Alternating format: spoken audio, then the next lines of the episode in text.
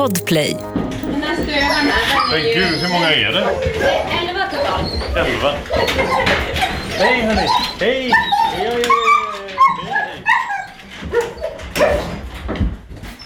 Men du, vilket ställe! Va, va, alltså det är så otroligt vackert här. Ja, det är ju väldigt fint att det för som man, den här grusvägen som går här, det är bara skog. Alltså det är, det är ju som bara skog. Och det, det är ändå rätt bra med älg här.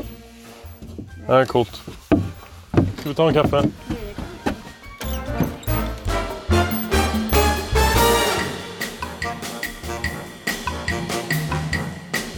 Välkommen till podcasten Jägaren med mig Daniel da Silva. Och jag måste börja med att bara tacka er för att ni hjälper mig att sprida och dela podden. Fortsätt gärna göra det, för det, det betyder att podden når ut till fler och då är det fler som lyssnar och det triggar mig till att göra ännu fler eh, intervjuer. Och jag, eh, jag blir så här rörd när jag tänker på det, att det engagemanget som finns där ute. Tack snälla för det. Idag så ska jag eh, prata med Eva Bromé. Och Eva lever verkligen för jakten. Det, det är hennes liv. Hon jagar jättemycket eh, och hon jagar framförallt tillsammans med sina hundar.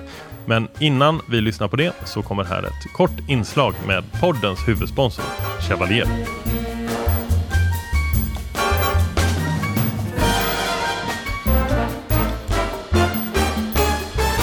Ja, då sitter jag här mitt emot Ida som är produktchef på Chevalier. Och eh, du har lagt fram en eh, jacka här som heter Nimrod. Ja, precis. Mm. Vår nya vindjacka. Nimrod. Det, det är halv, halvkonstigt namn ändå. Mm. Det betyder modig jägare. Modig jägare. Det är verkligen vår nysatsning på eh, vindjacka. Vi har gjort den, ja, den är grym, jag älskar den. Mm. Eh, huvuddelen av tyget är eh, en softshell, så det är både vatten och vindtät. Mm. Eh, så i kombination med detta så har vi satt ett, en technostretch. Så liksom under armen, på sidan och bak vid skuldran. Mm. Så att rörelsen blir eh, helt magisk i den. Dubbla radiofickor såklart. Mm. Ja, och Både- helt dolda Ja. radiofickor nästan. Ja, men det ser vi. Det vi försöker... Du måste ha alla Jättefina. funktioner, men här har vi valt att dölja radiofickorna, men även ha två vertikala bröstfickor, två framfickor, en bakficka. Har den Åtta också sån fickor. här eh, ryggficka? Ja, Den har det? det har 98 procent av våra jackor. Jag gillar det. Det, det. det är ingen ficka jag brukar använda så mycket. Men Nej. känslan av att ha den där så att man kan stoppa ner någon liten fågel någon gång hade varit gött. Ja, ja men och då har vi också valt att sätta ett meshfoder i bakfickan så du kan liksom ventilera ut där. Nej, jag vill verkligen slå ett slag för den här. Den är magisk. Ja, den var jättefin. Och färgkombinationen eh, på den nu då är svart och grön. Precis, så det är en helsvart och en helgrönt. Och så uppföljer vi upp med en orange och grön för hösten och en i kamouflage. Mhm. Vår nya kamouflage. Men det får vi prata om till hösten. Så det kommer ett nytt kamouflage? Ja, är- alltså nytt mönster liksom. Ehm, det är ingenting som jag har sett. Men eh, det får vi hålla på då. Det kommer nog en säsong tre av den här podden. Då får vi prata om det. 33. Ja. Ha det bra så länge. Tack.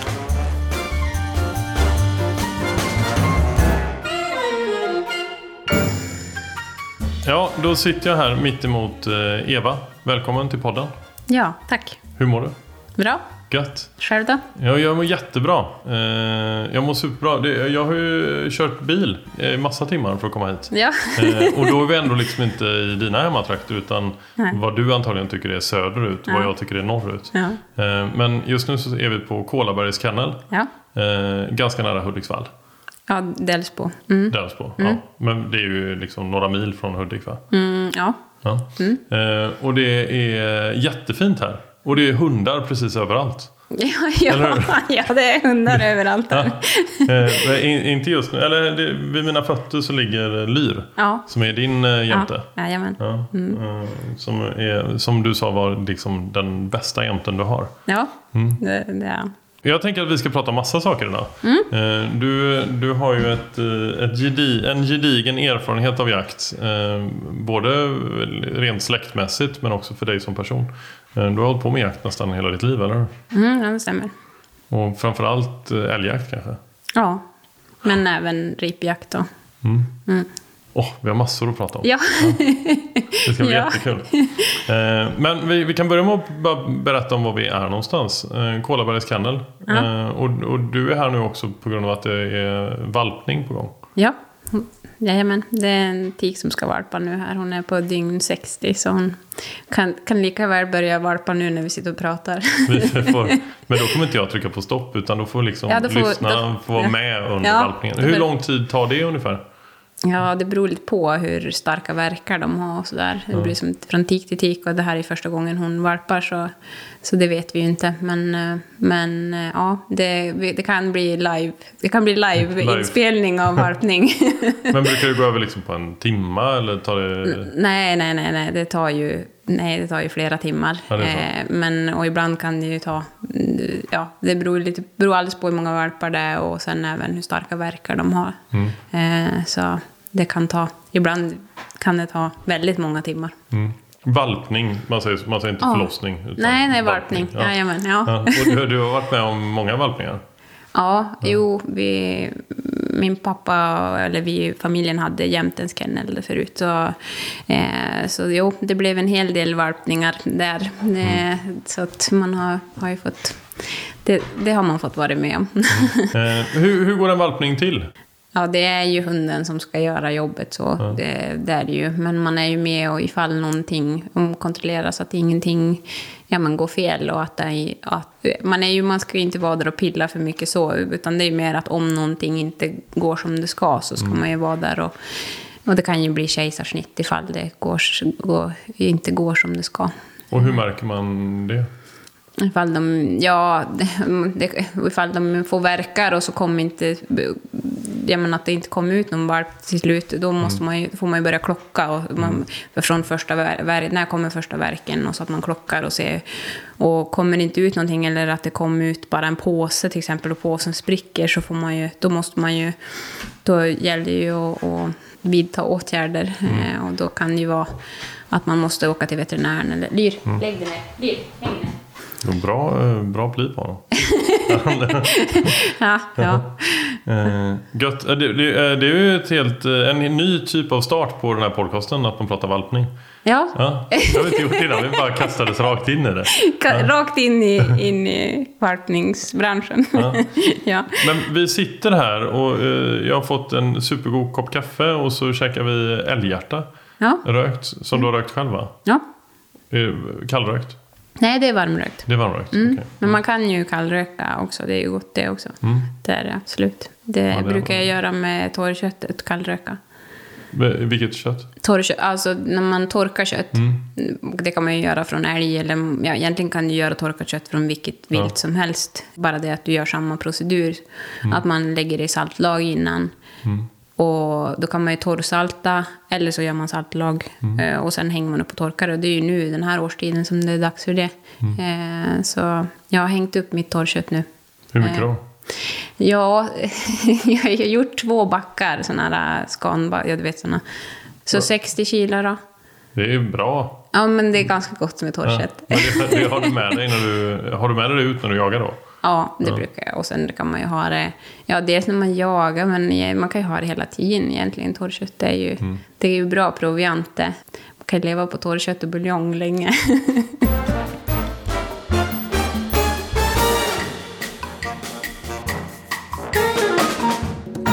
Jag eh, brukar väldigt ofta eh, börja podden, nu har vi ju redan börjat podden med att prata valpning, eh, Mm. men, men att prata lite, lite historik och bakgrund och sådär. Mm. Eh, Och du har ju med dig din pappa eh, Arne Bro- Bromé, Mm. som väldigt många känner till. Eh, Och du har ju liksom med dig jakten från, från att du var pytteliten. Hur, berätta, hur var det för dig? Ja, hur det var? Ja, det var väl ingenting man tänkte på så. Utan det var ju, det var väl väldigt naturligt. Och det var ju någonting som var, var och är en del av ens liv på ett sätt som, att det blir hela ens liv. Eh, Det blir som inte att det är någonting man gör lite då och då. Utan det är ju, hela året byggs ju runt omkring det. Och det, för din pappa eh, jobbade ju, eh, eller var yrkesjägare.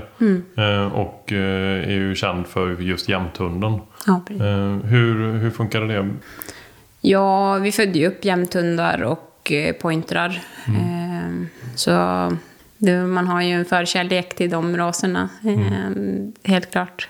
Det blev ju någonting man växte upp med och det blev ju någonting som man kom att älska eh, lika mycket själv. Eh, Det blir ju så man, när det blir, eh, eller tror jag i alla fall, att det kan lätt bli att om man, om man har det runt sig så kan det ju bli lätt att blir som en del utav, av ens eget liv också. Men så jämthundar och pointrar. Men, men Mm. jämthunden just har du haft runt omkring dig från att du var liten då?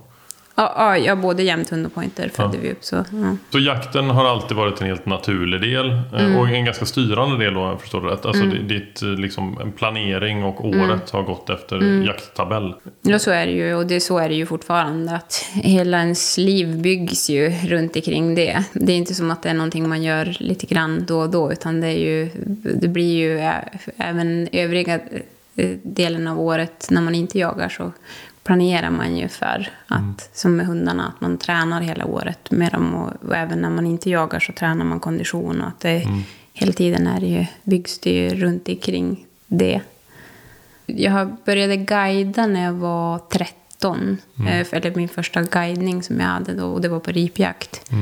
Eh, och sen då guidade jag ju alla höstar efter det. Då måste man ändå bli förvånad. Ja. Som, alltså när man kommer upp och ska få en guide så är det en, en Som eh, hundförare. 13-åring. Ja. Eller hur? ja, ja. ja, jo, jo, exakt. Det var nog inte helt... Men det var ju, då var ju... Ja, men man gick som hundförare. Med, så att man var väl inte så mycket guide, man var ju mer bara hundförare då. Man har ju med åren fått erfarenhet också. Då var man ju mer bara... Mm, då ringde man ju till pappa. och bara, de lyssnar inte på mig. Vad ska jag göra? Och då slår de med en piska, sa han då. Det var hans svar. Alltså, det på var så? riktigt. Ja, ja, ja. ja, ja, jag skulle ta, tälja en piska och slå dem när de inte lyssnade på mig. Så att de, så att de gick bakom, så de inte tryckte på hundens sök. Så om gubbarna då inte lyssnade skulle man slå dem på benen. Liksom.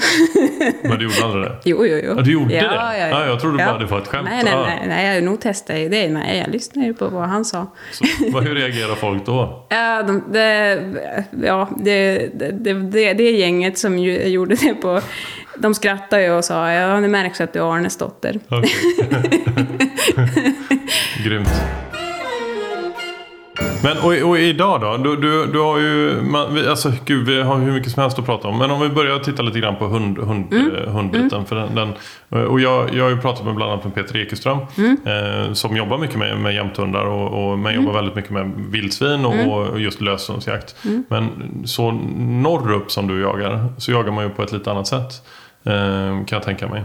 För du jagar ju på stor areal och du är ofta ute själv va? Ja, precis. Och vad, vad har du idag? Hur många hundar har du? Eh, fyra har jag. Jämthundar? Eh, nej, Eller tre, tre jämthundar och en pointer. Ja. Mm. Och då är det eh, jämthunden som ligger på mina fötter just nu. Ja, eh, som heter Lyr. Ja, och så Som är en hane. Jajamän. Och så Oden. Mm. Eh, och sen eh, Nim. Och sen Uma. I Nimmen tik. Ja, Nimentik. Mm. Och Uma i pointen. Ja, precis. Och, och hur jagar du med dina hundar? Eh, ja, jag jagar ju så att eh, de, ska, de ska ju ställa älgen. Mm. Det ska vara ståndskall. För mig så ska, ju inte, ska de ju inte driva utan det ska ju, det, de ska ju ställa älgen. Hur, hur tränar du dina hundar för att eh, de ska bli duktiga på att ställa? Eh, ja, det har, ska de ju ha i sig eh, genetiskt. Sen får man ju såklart jaga in dem på ett sätt som så att man styrker upp det. Att eh, försöka, försöka även i injagningen belöna det. Och jag vill ju gärna skjuta första älgarna på stånd. Eh, jag skjuter inte om det kom på sken eh, till exempel. Men det där är ju jätteolika hur man gör. Vissa gör ju inte alls så. Och där vi är nu då, då gick vi omkring här bland olika hundgårdar. Eh, Och hur, hur många jämtar är det här? Eh, elva. Elva stycken. Och typ alla var champions. Ja, förutom de som är under året då. De, eller som är ett år, det är två som är ett år. De har ju inte haft sin första hösten. Och för dig är det en självklarhet vad det betyder att vara en champion. Men det är säkert många som lyssnar på det här som inte vet det överhuvudtaget. Vad, kan inte du försöka Mm. förklara på ett Ja. enkelt sätt? Om äh, en jaktchampion då. eh, Eller, och, ja, och då kan de ju vara svensk jaktchampion eller finsk jaktchampion eller norsk jaktchampion. och sen kan de vara nordisk och då har de ju tävlat i alla Okej. länder. Sverige, Finland och Norge. Är tävling samma sak som jaktprov? Nej, det är det inte. Utan ett jaktprov är ju egentligen det det är ett prov, det är en dokumentation. Där man, man, egentligen är det samma som när du går ut i skogen annars, men du gör det genom en, du har mer en domare som, Okej. som eh, sätter poäng då för olika moment som hunden gör. Och då är det ju hunden som bedöms hur den jobbar och, och, och, så, och det är ju jätteviktigt för aveln att man går prov då med hundarna. Men för att bli champion så bör man tävla då? Nej, men för att bli champion så behöver du gå, du behöver gå så att du får tre första pris då. Om du ska vara, de ska bli svensk jaktchampion så måste de gå tre första pris i Sverige till exempel. Och tre Eh, första pris när du gör jaktprov? På prov, ja. Ah, okej. på, Vad krävs för att få första pris? då är det de här olika momenten, så Ja. sätts det ju poäng då. Och då måste de komma över 70 poäng eh, för, för att kunna få ett första pris. Och när man då går ett jaktprov, vad, vad finns det för olika moment som, som hunden bedöms på?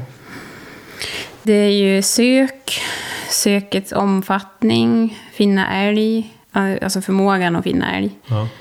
Förmåga att ställa upptaget, och sen ståndskall, eller ståndskallets kvalitet, förföljande, ställa flyende älg, alltså omställningar, hur den klarar av att ställa om en stött älg. Ja. Skalltid, skallets hörbarhet och så ja, skallets täthet och samarbete och sen lydnad. Det är en herrans massa grejer. Mm. Men, men, men det måste ju också påverka vad man är, alltså vad man gör i jaktprovet. För om det inte finns en älg i närheten så kan man ju inte få full pott på eh, att hitta älg. Nej, precis. Det är ju, kan ju vara så att du går tomt på en Ja. jaktdag, eller en, ett jaktprov också. Och det, då är det ju bara så. Alltså det, är inget, det är inget konstigt med det. Att Nej. du går ett prov och så hittar, finns det inte... Om du går på ett ställe där det är glest med älg, då är det ju inte säkert att du hittar älg. Så det är inga konstigheter. Hur, hur många jaktprov får man gå? Du får ju gå hur många du vill. Det får man göra. Ja. Men, och när man får tre första pris, då är det en Ja. champion. Ja, men... mm, det Ser ju, ja, precis. Men det ser Mm. inte så bra ut om man har gått 200 gånger. kanske. Nej, det...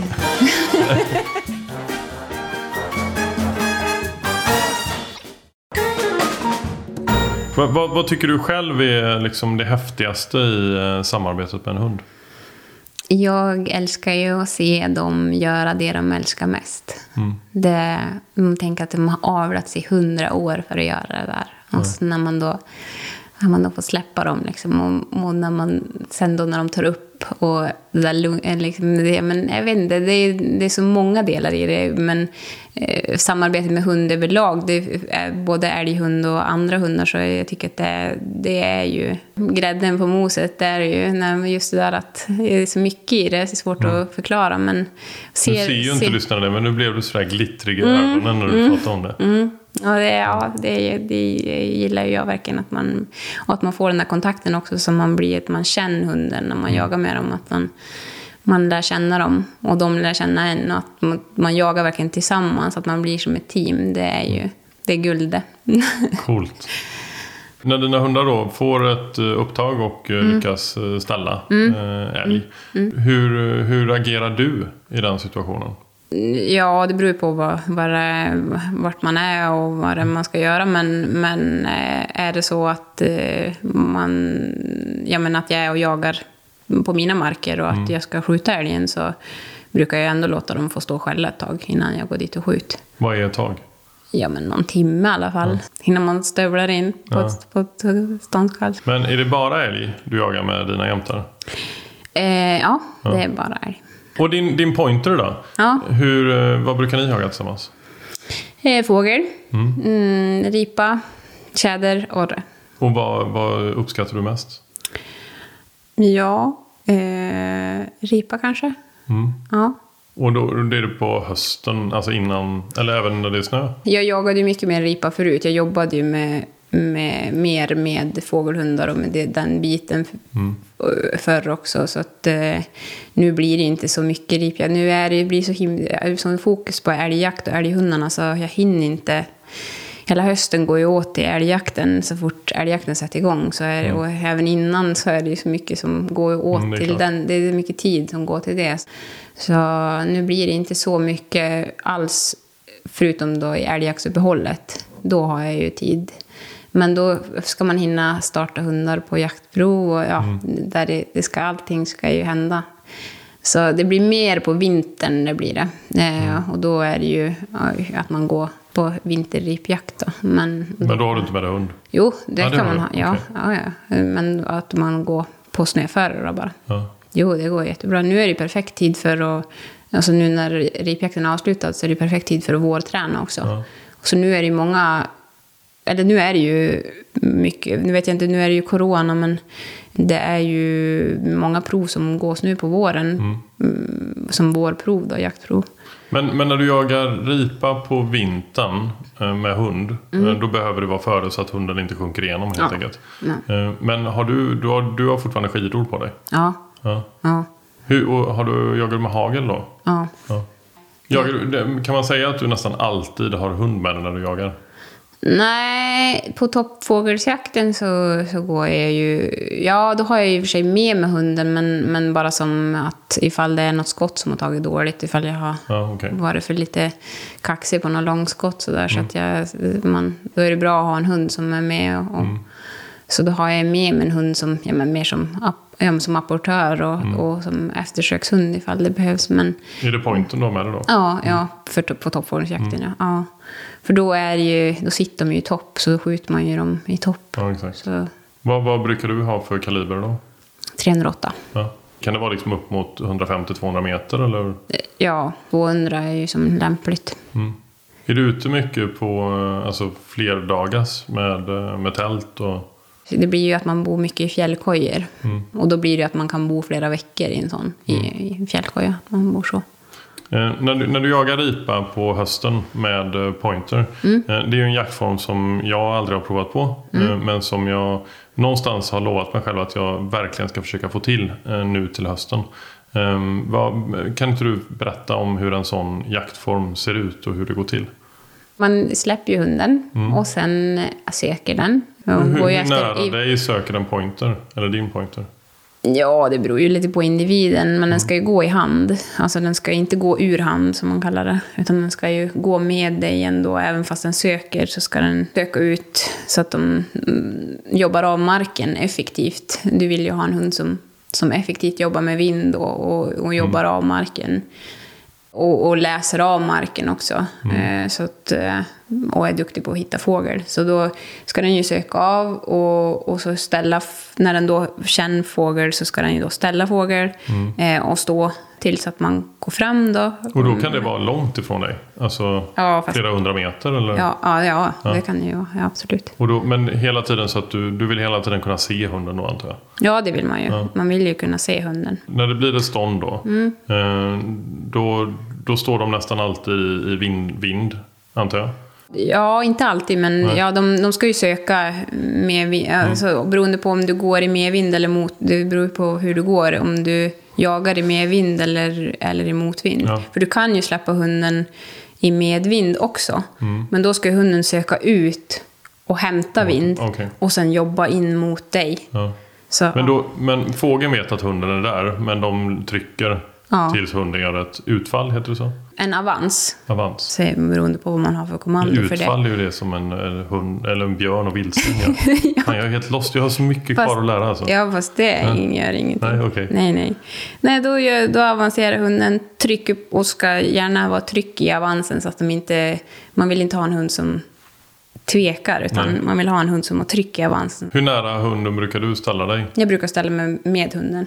Ja, du står precis bredvid hunden. Ja, jag brukar stå precis med hunden. Och då brukar riporna kanske vara alltså, mellan 5 och 10 meter bort? Liksom. Jätteolika. Det är Ja. Mm. också jätteolika. Det är väldigt olika. Och då trycker hunden upp fågeln och så skjuter man fågeln. Eller om det är träning så skjuter man ju inte. Utan Mm. då, ja, då kanske man har en... Jag menar att man bara har någonting som låt. Men, men, men hunden En ska... liten knallpulspistol. Ja, ja precis. Men, men om det är träning kan man, behöver man inte ens ha det. Utan då kan det vara att man, man Ja. tränar bara utan... Ja, ingenting. Eh, Mm. För när, ut- utan när att fågeln börjar flyga, då ska hunden... Då ska hunden stanna. Mm. Ja, då ska hunden stå still eh, i uppfloget. Så den ska ju respektera och vara lugn i uppfloget. Mm. Det känns ju som en helt fantastisk jaktform. Ja. Och alltså landskapet man jagar i. Man blir ju tårögd när man bara tänker på det. Ja. Och när du är med din pointer och jagar orre och eh, tjäder. Eh, hur, hur jagar du då? Då är det mer i skogen. ja, det blir ju mer i skogen Mm. och då vill man ju att hunden ska ha ett, att den ska anpassa söket lite efter terrängen, att den har, håller ett snävare sök. Men man vill ju Mm. ändå inte ha ett alltför snävt sök, utan mm, men, men snävare då och hålla mer kontakt när man är i, i, i skog och i, Mm. tätare terräng. Är det, är det svårt att få hunden att anpassa sig? Eller kommer det automatiskt? Eller? Ja, vissa hundar kan ju vara lite mer att man får jobba mer med kontaktövningar rent generellt. Men sen finns det ju de individer som inte vill, vill snäva in söket om man säger så. Det finns ju de också. Men då får man ju jobba ännu mer med kontaktövningar.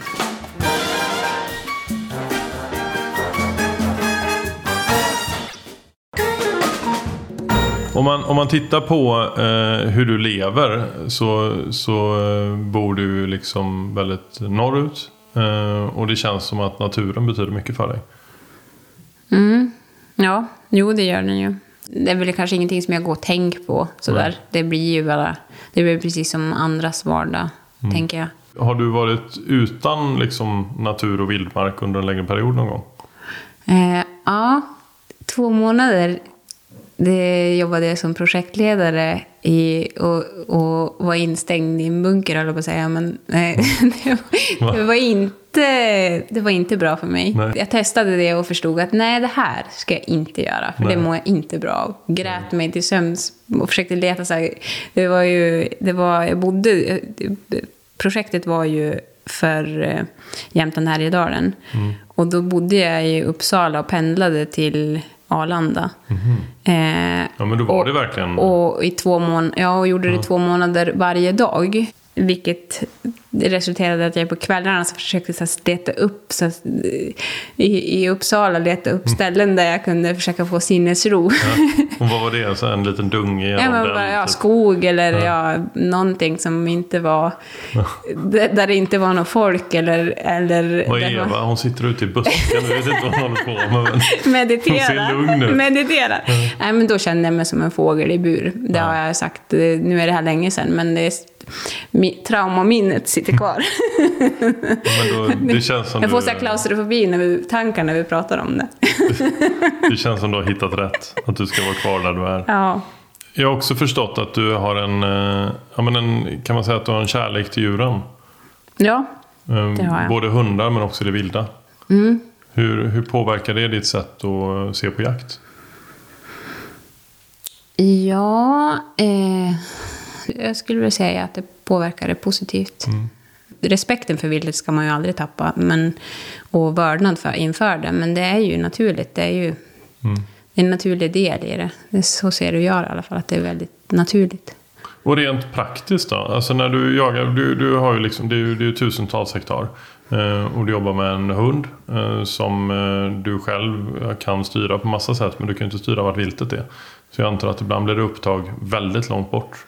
Eh, och om du då fäller en, eh, en, en älg, eh, säger vi. Hur, hur gör du sen? Ja, då har jag en sexhjuling och en vagn Ja. som jag hämtar älgen med. Mm. Men sen kan man ju också, det är ju många gånger som man får bara ta ur och sen får man lämna det till dagen efter. Eller, Mm. Alltså att man tar ur älgen och sen får man, för det kan, det kan ju vara väldigt långt att gå. Mm. Eh, bara ta sig ner till, alltså ja, det, det, det kan bero på vilket läge man är i. Mm. Att det kan ta väldigt lång tid och då kan det bli att man måste ta ur älgen och sen risa över den och sen mm. så att inte och så lägga någon, någon tomhylsa eller någonting så att inte korparna hinner dit. i- Om du förstår vad jag menar. Vad- gör tomhylsorna? Eh, Avskräcker de? Ja, Jaha. det är någonting med att det är metall tror jag, att det blänker. Så man kan även hänga upp en tröja i träd och, eh, och Ja. det finns lite små tricks som man kan göra om man ska lämna till dagen efter då. Mm, men är man ser ju alltid till att det, det beror ju på, också på, är det, är det, är lite grann vart, vart är man, bara hur långt är det och ja, det är ju väldigt mycket som spelar in. Mm. Anledningen till att jag startade den här podden eh, var väldigt mycket för att jag är intresserad av eh, människor och jakt.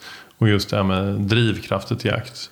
Går det för dig att, eh, att förklara och formulera vad det är som driver dig till att, till att hålla på med detta? Det är, det är flera olika delar. En del är mat, en del är hundarna, en, ja, det är samarbetet med hundarna. Det är eh, närheten till naturen, till viltet. Och det är att få se hundarna göra det de älskar mest och att jag får göra det jag älskar mest. Det är det som jag brinner för och lever för. Det blir ju som he hela mitt liv är ju det, så att det blir som så svårt att Egentligen är det kanske en väldigt stor fråga. Vad, vad är min drivkraft egentligen? Det är ju det, är ju det, det, är ju det jag lever för. Mm. Skulle du kunna tänka dig att, att leva utan hundar? Nej, det skulle jag verkligen inte kunna göra. Det har jag... Det, det, nej. Nej. Nej. är svaret på den frågan. Det, det, det, har jag ställt mig, den frågan har jag ställt mig själv också, om jag skulle klara det. Men nej, det skulle jag inte. Vad, vad ser, även om du inte har tröttnat på jakt, vad, vad skulle du säga att det finns för baksidor med jakt? Finns det baksidor med jakt? Mm. Nej. Gör det det? Är det så du känner? ja. jag känner ja, rent bara jakt och nej, om jag bara tänker vad, jag, vad jakt är för mig. Ja. Så nej. Jag lär mig alltid någonting, jag lär mig alltid någonting nytt. Jag, jag utvecklas som människa. Jag, för mig, så nej.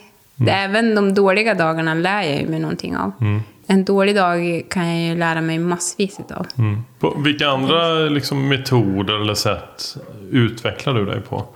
Eh, som inte bara, alltså det, självklart då det som handlar om dina egna erfarenheter. Mm. Att du lär dig av det du gör rätt och det du gör fel. Mm. Eh, men har du andra liksom strukturerade metoder? Mentorer eller litteratur eller sådär som du tar del av? Ja, ja, min största mentor var ju min pappa. Mm. Eh, så han...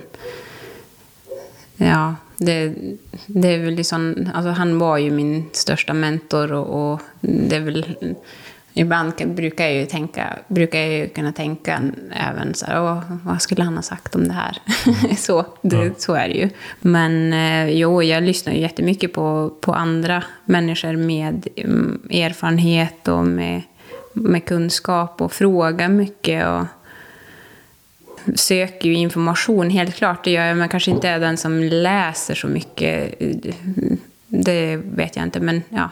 Läser sådana här Fast böcker. vi har bläddrat en ja. hel del böcker här ja. som du har visat. Och det är mer historiska böcker. Ja, sån, ja, ja. sånt gillar jag. jag Eller historiska så, böcker, men det är ju inte, de är inte... Jo, men absolut, sånt gillar jag. Det, det, sånt, eh, ja, det tycker jag är intressant. Jo, nu läser jag lite, det gör jag, men kanske det finns... För det här är ju inte rena... Det vi tittar på då är ju lite olika böcker, men bland annat så finns det ju faktiskt en, en jättefin bok eh, om, om och av din pappa. Ja, precis. Eh, som heter Tvärviggen från eh, Klövsjö. Ja, precis. Säger man Klövsjö? Ja, Klövsjö. Ja. ja Klövsjö.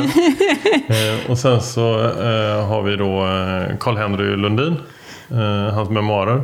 Aha, en yrkesjägare berättar. Och i den boken så står det om, eh, om din familj också. Ja, precis. Och sen den här uh, Stellan Andersson, Mina färgstarka jägarvänner. Mm. Mm. Ja, men det finns mycket gamla bra böcker. Det gör det absolut. Jag älskar den typen av böcker. Jag har försökt att och eh, samla på mig så mycket jaktlitteratur som möjligt. Mm. Och jag kan uppskatta så här ren, rena faktaböcker. Men, men just de här böckerna som innehåller lite jaktberättelser och man mm. får liksom bakgrunden till, till den kunskapen som finns i boken. Mm. Det tycker jag är härligt. Ja, det är det. Absolut. Du har ju eh, under väldigt många år, eh, typ som du var 13 då, eh, berättade du, jobbat som guide. Eh, och gör det fortfarande än idag. Ja, på ripjakt. Mm. Ja. Men hur går en guidning till då? Hur, eh, man, man, man, kontaktar dig och så kommer man upp. Eh, är det många som kommer upp med egen hund? Mm. Mm. mm. Då kan det ju vara så att de hyr stuga och bor i på marken. Eller att de ja, bara vill ha guidning på marken till exempel. Mm. Att de bara vill ha guidning fast de har egna hundar. Att de mm. vill ha guidning en guide som går med. Mm. Det kan vara att de bara vill ha en hundförare. De vill inte ha en guide, de vill bara ha en som går som hundförare med hundar. Att de vill ha så. Att det, eh, ja, men en, en hundförare och inte en guide. Utan de är erfarna jägare men vill bara ha en hundförare. Men då, är det, då, då har du med dig din pointer eller har du flera hundar som du Ja, jobbar med? för, förut hade jag många pointrar, eh, flera stycken då när jag höll på som mest. Men nu, Men då kan man släppa ett par stycken samtidigt va? ja, man kan släppa två. Ja. Eh, kan man göra. Vi har varit inne på det. Du, du sa själv det att det är en av dina drivkrafter är maten. Eh, lagar du mycket vilt? Mm, det gör jag. Absolut. Är du Det blir- duktig? Eh, det skulle jag väl inte säga att jag är, men eh, jag försöker ju... Man Det försöker finns ju ingen som utveck- svarar ja Nej, på den frågan. Det nej. var en idiotfråga. Tycker du det är kul? Ja, jag tycker det är kul. Ja. Ja, det tycker jag. Jag tycker det är roligt. Sen är det ju roligt att, att utvecklas även där, att man ja, men experimenterar. Och, ja, jag tycker det, det, det jag äter ju, äter ju mycket kött, så att därför är det ju... Och då, då blir det ju att man automatiskt vill lära sig mer också. Det, Ja, du ska ju trycka i dig 60 kilo torkad älg. ja, Bara, bara en sån sak. Det är ju liksom, det är ju jättemycket. Ja. precis. Men, men eh, vad, vad är liksom favoriten? När, när du ska lyxa till det, vad, vad plockar du upp då? Just nu har jag ju snöat in på den, här crockpotten jag har köpt. Mm. Så nu kör jag ju mycket, gör mycket, och det är inte så, för jag menar, det är inte så att jag, om jag ska lyxa till det så måste jag ta upp en filé. Så, Nej. så, är det, så, så känner jag inte. Eh, utan eh, ett fint innanlår eller, eh, jag, mm, ja, men det beror lite på vad, vad det är jag ska göra och vad jag är sugen på. Men den här crockpotten nu, är, den, den gillar jag starkt. Den är bra. Den, den går varm. Ja, man kan göra mycket med den. Så viddar du någonting? Eh, ja, jag har testat det. Det tycker jag också är... Det. För det för mig var liksom en breaking point tycker Mm. jag. Innan jag jagade eh, så köpte jag ju kött i butiken. Eh, och då köper man ju oftast ganska fina detaljer. Men när man jagar så är det ju liksom eh, alla tänkbara detaljer på, på viltet såklart. Och vissa kräver ju sin tid eh, för att det ska bli bra. Eh, om man inte bara liksom slänger in det i ugnen på 150 grader och, och väntar och så blir det lite halvsekt men okej. Eh, Men med hjälp av sous så kan du liksom Ja det blir så mört och fint så det är inte klokt. Eh, Så jag bara älskar det alltså. Och inte bara kött utan att sous grönsaker till exempel. Det är ju en helt ny värld som öppnar sig. Så här, grön sparris smakar helt plötsligt någonting. Eh, När inte den bara är så här. Allt har bara försvunnit ut i det kokande vattnet. eh, Utan smakerna stannar i, eh, i det man tillagar helt enkelt. Jo, men precis. Och, och sen just eh, nu har jag snöat in lite grann på det här med att låta köttet hänga. Eh, att man hängmörar i, mer och att man testar det. det Var gör du det min- någonstans? Alltså, Jag har ju nu kört helt freebasat på den. Ja. Jag, jag har ju inget kylrum. Utan Nej. jag har ju då hängt när det är tillräckligt kallt. Och, till, och, och försökt experimentera mig fram genom det. När det är tillräckligt kallt. Men egentligen ska man, ska man ju ha ett kylrum med rätt luftfuktighet och temperatur. Så. Men, men jag har ju fått eh, använda mig av kör på känn. Mm, på- av eh, vädret helt enkelt. Men eh, ja, det har varit jättebra nu med sista älgen där som jag lät hänga länge alltså. Eh, och då, Men då tar du en detalj helt enkelt och, och hänger? Alltså ett lår eller liknande? Eller? nu gjorde jag faktiskt så att jag lät en halv älg hänga länge. Eh, Vad- vad är så länge då? hela, Ja, det vart eh, tre veckor. Men om man hängmörar detaljer så är det väl annorlunda. Eh, Säkert. Jag, det, här, det här kan ju inte jag egentligen. Utan Nej, det är men, mer men bara jag tror man kan hängmöra eh, alltså, i rätt, eh, Temperatur. i rätt temperatur Och- luftfuktighet alltså superlänge. Ja. Men 40 dygnsgrader brukar man ju prata om att Ja, det ja, kommer ja, men- hänga ett, ja. Mm, ett vanligt vilt. Men eh, väldigt många säger att ja, men det är, alltså, så länge man har koll Ja. så är det ju hur lugnt som helst. Ja, så länge man har koll och kontrollerar så ska man ju kunna hänga länge, så är det ju. Men eh, ja, Men, men hur gör du då? För, för ganska ofta, eller ganska ofta, nästan alltid när du jagar älg till exempel så är det minusgrader uppe hos dig. Ja, ja, ja, det är inte alltid minusgrader. Det är ju inte. I början av jakten är det ju inte minusgrader. Men... eh, Jag har en så här helt snedvriden bild av Ja. norra Sverige. jag. Det är så, så här, amerikaner Men, ja. som tror att det går isbjörnar Ja, i Göteborg. Jag så tror jag om allting som är norr om Gävle. Eh, Eh, du, du jagar ju många olika typer av jaktformer. Så jag antar att du jagar med eh, ja, men, hagel då och sen så eh, kanske lite klenare kalibrar för eh, vinterjakt på ripa till exempel. Och sen så studsar och liknande. Vad har du för vapen? Jag har en eh, Saco 85 Finlight. Eh, sen har jag en Saco 85 Finlight 2. En Tre. trea och en fyra? Och, nej. Så har, jag, har jag dem i kaliber 308. vad, vad är skillnaden på Saco 85 1 och 2? Ettan är den eh, gamla modellen och tvåan är den nya modellen. Den eh, nya modellen har ju korvkamshöjare, eh, justerbar korvkamshöjare och eh, så är det en Cerakote-behandling på, på tvåan då, som gör att den blir tåligare. Mm. Det är väl egentligen den, det som är största skillnaden på dem. Använder du båda? Ja, det gör jag. Det gör jag. jag har två olika sikten monterade på dem och det blir lite grann att jag, ja, jag använder dem bägge två. Och, och på eh, hagel då? Vad har du för, för bössa där? Då har jag en Beretta Vittoria eh, som jag är väldigt förtjust i. Sen har jag min eh, pappas gamla bössa också som jag har som, som sentimental, sentimentalt eh, minne som jag har ju ibland när jag... Är det en sida-sida kanske? Eh, nej, nej, det är Nej. inte en side by side. Nej. Det, nej, det är en, det är en, det är en bock. Men du har ingen halvautomat? Nej, nej. jag har ingen halvautomat, Nej. men jag har ju prövat att, att jaga med halvautomat. Men nej, jag tycker att de har krånglat lite, de som jag har Ja. sett haft halvautomater, och det gillar jag inte. Och eh, om du jagar eh, ripa på vintern med kula, vad har du då? Då har jag en Saco Quad, Kaliber? 17 HMR. Fan, alla säger 17 år. Jag har en 22 lång. Eh, det är ju 17 år med man ska ha, förstår jag, på Ja. ripjakt. Och jag tycker det i alla fall. Så eh, ja, jag gillar den kalibern bättre. Vad finns det för annan typ av utrustning som du verkligen uppskattar eh, när du jagar? Uh, hundpejlen, Mm. den uppskattar jag väldigt mycket. Vad och har att du då? den ska funka. Jag har eh, tracker och sen har jag på samma halsband en Garmin T5 då. Mm. Jag vet att f- för, förr i tiden eh, så jagade du mer med bandhund och idag med löshund. Eh, Vad skulle jag säga? Eller vi kan börja med att förklara vad bandhund är för de som inte vet det. För det finns säkert många som inte vet. Eh, För då, då har man hunden mer kopplad skulle man kunna säga va? Eh, Eller för, förklara istället. Det är bättre att du gör det istället för att jag gör det. Ja, man går med, eller smyger med hunden på spår och vind. Och då ska ju hunden vara tyst. Eh, Och sen då markera och visa och smyga mer och mer ju närmare man kommer. Och så vill man gärna att hunden ska sätta sig när, ja, där, där det verkligen, när de, när de ser älgen.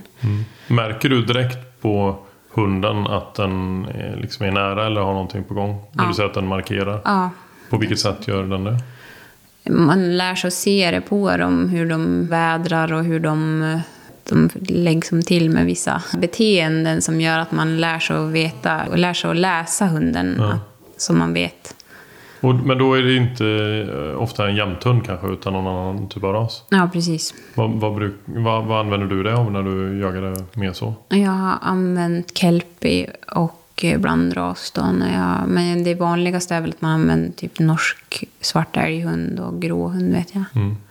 Och idag jagar du ingenting på det sättet? Nej, nu Nej. blir det löshundsjakt. Vad- Om du skulle jämföra eh, de två jaktsätten.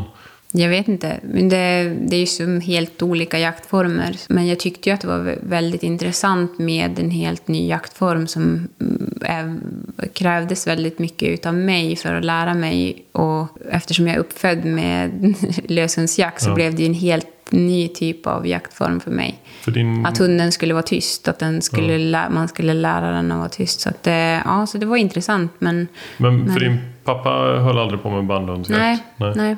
Så det var ett, mitt eget påhitt. så ja, men det var... Ja, det, men, eh, men jag tycker ju att det är roligare med löshundsjakt. Jag, Mm. Man skulle aldrig klara av att, att ta en jämthund och banda med den till exempel. Nej. Mm. För det skulle kännas som att häda. Ha den i koppel, stackarn. När du släpper dina hundar, ehm, hur, hur lång tid brukar det ta innan det blir rätt, eh, innan den ställer älgen?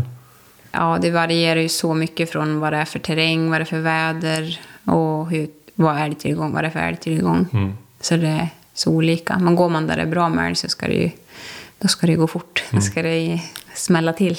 Och så, så ska det skälla. Så är det ju. Vad, vad, vad händer i dig då när, när det börjar skälla? Vad känner du då? Ja, ja då, då njuter jag. Så lyssna på en hund som skäller, det är ju... Ja, då njuter jag bara. Då, Jag känner ju ingen stress eller så, utan det är bara... Jag kan ju sitta länge och bara njuta av det och, och, och lyssna. Sitta och lyssna. Och det som är så häftigt det du beskriver där, det är att du... Alltså det är ju det är ju verkligen i full gång. Alltså det är ju... Jakten i sig är ju sitt esse samtidigt som du kan njuta utav det. Jag gör en eld och Ja. sitter och lyssnar på dem när de skäller ett tag. Det, är, ju- det, är, ju- det tycker jag man ska... Det ska man väl... Det, ska väl, det hoppas jag att alla gör. Att man, man känner den, att man kan njuta av det. Det tror jag många gör också. Men sen kan ju jag också få puls av att smyga in på ett ståndskall. Alltså, det är ju inte så att jag inte kan känna innan jag sett vad det Kan få, får du inte alltid det? Nej, inte, inte alltid. Nej, Nej. inte alltid. Nej. Saknar du att du... Saknar du det? Alltså om du... För, för, an- för så har det väl inte alltid varit? Eller Nej. var det så här Nej. soft redan första, Nej. första gången? Nej, det var ju Nej. inte. Nej. Men känslan finns ju där. Den finns ju alltid där. Känslan Mm. av, av det. Det är inte så att man tappar känslan. Den finns ju där. Mm. Helt klart. Kallar du alltid in hunden när du börjar närma dig? Nej, det gör jag inte alltid. Nej. Nej. Men hunden vet ändå om att du är där? Ja, när man börjar närma sig, eh, om man börjar komma närmare, så vet de ju det till slut. Men eh, vill man att hunden ska veta att man är där så kan man ju göra ett litet myspip till exempel. Eller alltså, så det går ju, om man vill ha, har man en hund som, beror lite på hunden, hur man vill, om hur hunden jobbar också. Är det en sån hund som trycker älgen mot den? När, de, när hunden vet att ägaren är där så finns ju de hundar som aktivt jobbar för att se till att ägaren får komma till skott genom att trycka älgen mot den. Det är ju vansinnigt coolt. Sånt är ju jättehäftigt hur man ser att de lär sig. Och vissa hundar retar upp älgen så för att de vill retar upp den åt en riktning att det blir, ge ett skottillfälle. Liksom att de lär sig det till och med. Jag, jag skulle prata lite grann om eh, en av dina jämtar som heter Nim. Mm. Eh, och det är en tik som är eh, drygt, eller knappt två år va? Ja, hon blir två år här nu i maj. Mm. Och då vet jag att hon är uttagen till SM-kval. Mm. Vad, vad innebär det? Eh, då innebär det att hon blir uttagen på poäng då, de högsta poängen som är i, i klubben. Och då ska ju hon då tävla i SM-kval och så tar hon sig vidare i SM-kval så går hon ju vidare till SM. Hur, hur funkar ett SM?